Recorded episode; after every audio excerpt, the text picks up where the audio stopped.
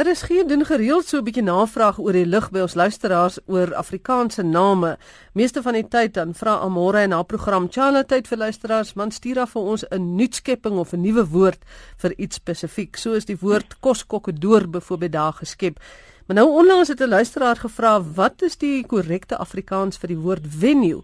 Want almal praat deesdae van 'n venue. En toe het sy nou ook op lig gevra, Gee vir ons 'n Afrikaans en dit lyk my daar sukkel die luisteraars want wanneer dit kom by die Afrikaans vir 'n Engelse woord, dan is daar duidelike twee spalt.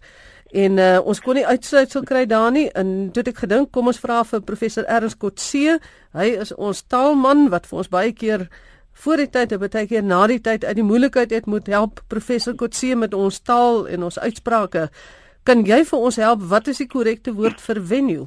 Magdalene, goed. Nee, ek ek antwoord baie graag. Ehm um, miskien moet ek net so 'n bietjie uh, ek dink die aanloop gee. Ehm um, ek dink dit is 'n ehm um, 'n natuurlike taalverskynsel dat uh, Afrikaanssprekende mense in 'n tweetalige situasie met die gebruik van 'n woord in Engels uh, in 'n sekere gebruikskonteks kennis maak. En uh, dit so dit ons hoor en gebruik dat die oorspronklike bekende Afrikaanse woord hulle heeltemal kan ontglip. Ek praat nou nie net van modewoorde wat mense gebruik om cool te klink, dit woorde so stunning, amazing of awesome nie, maar uh voorbeeld woorde soos commitment. Sommige, jy weet veral dominees so graag graag glo nie dieselfde verwysingswaarde kan hê as uh, toewyding of verbintenis nie. Ek dink venue is ook so 'n alternatiewe woord wat mense beïndruk en laat glo daar is 'n nie Afrikaanse woord daar bestaan nie Afrikaanse woord wat dieselfde inhoud weergee nie. En dit is 'n woord wat nog altyd in Afrikaans gebruik is vir hierdie begrip, naamlik lokaal. En nou hoe weet ons dit? Ons het 'n versameling moderne Afrikaanse tekste van omtrent 60 miljoen woorde wat ons die TK korpus noem, die taalkommissie. En daar is daar letterlik honderde voorbeelde van die gebruik van lokaal waar mense wat nou nie van wete weet nie, sê die woord venue voorgebruik. Ja, ek dink dit is 'n modewoord, jy weet die woord wen. Ek kan net een een of twee voorbeelde gee uit hierdie uh, korpus. Die eerste is die kompleks is ook die tuiste van tipiese uitstekende jazz lokaal. Of televisiekameras moet gebruik word om die verrigtinge te beeldsend na mense buite die lokaal. Eugenia en Jenny het die lokaal waar die onderhaal later sou plaasvind as 'n kleedkamer gebruik. En so kan ek voortgaan hier. Daar is letterlik uh, honderde van hierdie voorbeelde wat in moderne Afrikaans geskryf Afrikaans voorkom. So ek dink dit is 'n speeltaalvorm wat ook 'n soort van 'n modewoord is, maar ek dink jy weet hy is nog steeds baie sterk uh gemerk as as 'n as 'n Engelse Engelse woord wat uh eintlik nie bestaan reg in Afrikaanse uh jy weet normale of soms nie sê normale nie, maar in die gewone gebruik van Afrikaans uh, hy, hy hoef nie lokaal te verdrink. Die herkoms van die woord venue Venue kom uit die tyd toe die Frans-Normandiese konings oor Engeland geregeer het. Dit was hier na die 11 van die 11de tot die 15de eeu omtrent. En dit beteken basies in Frans uh, aankoms of opkoms of gewoon koms, jy weet uit die werkwoord venir, is 'n souvenir. Maar dit is ook interessant dat die woord lokaal wat ook uit Frans kom in Engels presies dieselfde konteks as in venue gebruik word. Jy weet uh, die Merriam-Webster Woordeboek byvoorbeeld is die volgende staan die volgende betekenisverklaring vir venue. En dit is interessant wat sê lokaal, L O C A L E. Also a place where events of a specific type are held. Music venues byvoorbeeld. Dit eintlik het ons in Engels ook al ook die woord lokaal wat op dieselfde manier gebruik kan word. Miskien net 'n bietjie meer formeel in Engels. Ek wil net 'n bietjie verskil van jou professor oor venue en soos wat mense hom nou maar ken is is 'n lokaal sê nie vir my dieselfde as venue nie wanneer ons die eerste praat van 'n venue en sê dis 'n gawe venue vir 'n troue dan uh, bedoel ja. mense eintlik die hele omgewing die tuine die ja. hele atmosfeer van hierdie plekkie ja. is baie lekker en reg vir 'n troue dis iets ja. anders as 'n lokale lokaal beduie vir my vier mure Nee, dit is so, maar naas lokaal is dan kan 'n mens natuurlik ook alternatiewe gebruik soos uh, 'n uh, plek. Dit was in verbinding met iets anders. En is dikwels is dit uh, doodgewoon idiomaties om nie vir venue die betaal ekwivalent te gebruik nie. Byvoorbeeld bloot onthaal, jy weet die reception venue, dis 'n heerlik, is 'n lekker uh um, many people turned up at the venue het het by die konsert opgedaag of waar ook al. So dit dit plek as as sodanig is is eintlik sê ook meer en dit is meer as 'n betekenis toepassing van die woord venue ook in Engels.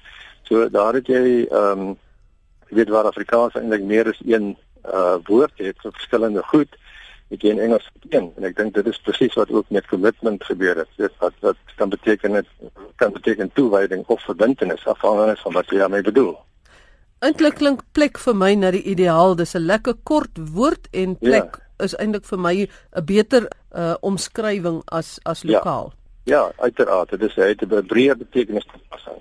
Dankie professor Ernst Kotse van die Taalkommissie. Ek hoop daar is nou 'n bietjie debat daar waar jy is oor wat dit eintlik moet wees. Stem jy saam met venue en lokaal en plek en dis meer.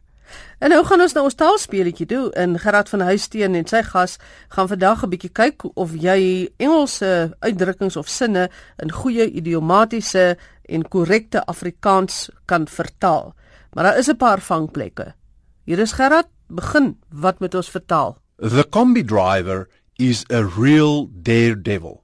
He drives around without a spare wheel, enjoys an extremely spicy chow chow and dates a fiery ginger drum majorette. Ek lees stadig. The combi driver is a real daredevil.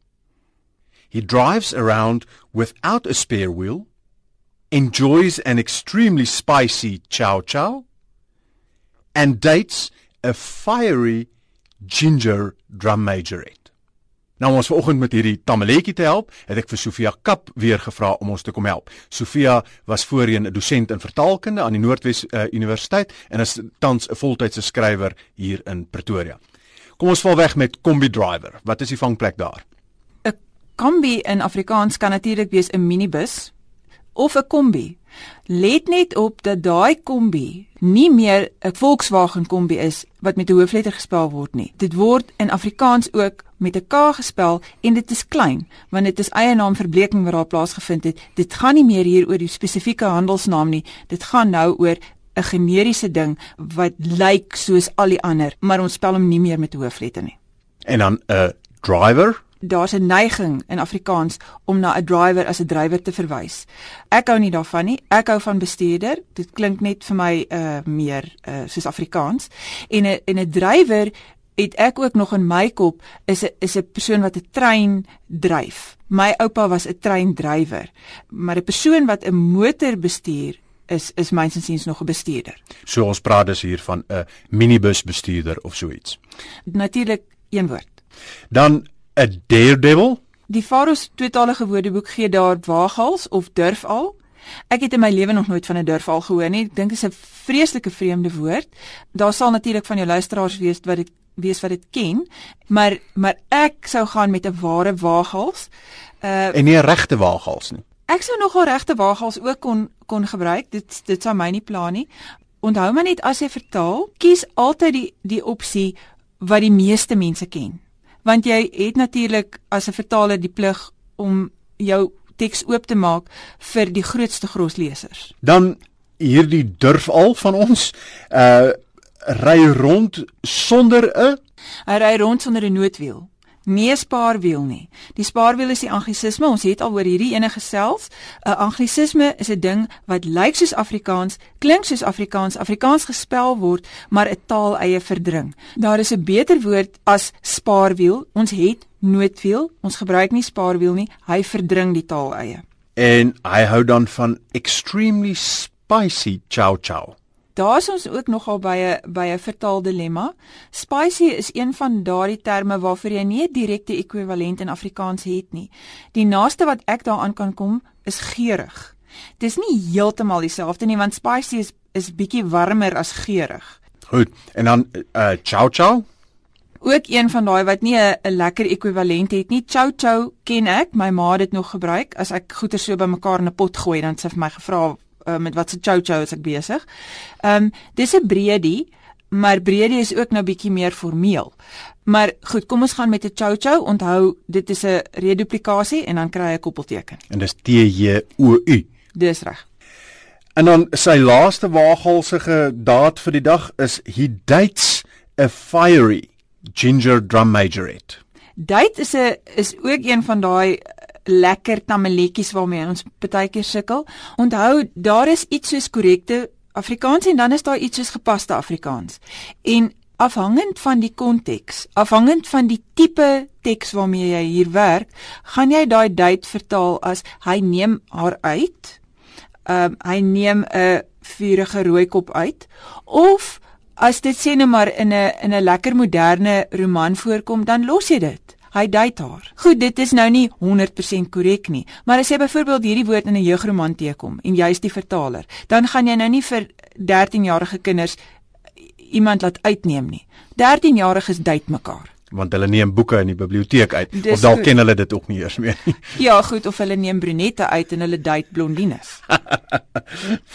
en dan is hierdie uh rooikop van ons is fiery. Sy's in Afrikaans is sy vurig. Net net 'n aantekening hier. Dit dit gebeur as jy 'n vertaler is, dat mense jou bel en vir jou sê, "Wat is die vertaling van?" En dan gee hulle vir jou so 'n woord heeltemal buite konteks. Binne hierdie konteks is fiery vurig. Maar sê nou maar daar was 'n ander konteks. He died a fiery death. Dan het hy 'n vlamme dood gesterf. En dis nie 'n vlamme rooi kop hierdie nie, dis, maar 'n vuurige rooi kop. So ons kom by Ginger Drum Majorette. Sy's 'n rooi kop trompoppie, alles een woord. Gaan kyk bietjie na die Afrikaanse woordlys en spelreëls reël 14.30 in hierdie geval. Onthou die oorspronklike reël reël 1427 sê vir jou as jy 'n byvoeglike naamwoord voor 'n selfstandige naamwoord het, is dit los. As jy 'n byvoeglike naamwoord het, dan moet jy hom attributief en predikatief kan gebruik. Jy moet met, met ander woorde kan sê die trompoppie, dis 'n rooikop trompoppie en dan moet jy kan sê die trompoppie is rooikop. En dit werk nie. Dieselfde geld vir gunsteling en vir reuse. Gunsteling musiek, een woord. Reuse gemors, een woord. Dit val vreemd op die op die oog maar dit is korrek onder reël 14.30. Jy kan nie sê sy musiek is gunsteling nie en jy kan nie sê die gemors is reuse nie. Ten slotte Sofia, jy het nou 'n uh, drum majorette vertaal met trompoppie, maar vir my is die mooi Afrikaanse woord tog 'n tamboernooi, né? Nee? Weet jy, ek dink nie daar's 'n mooi woord vir hierdie ding nie. Sofia, vreeslik dankie. Ons praat graag volgende keer weer. As jy enige vrae het oor vertalings wat ons hier op die program moet behandel, stuur gerus vir my 'n e e-pos by taalvraag@rsg.co.za.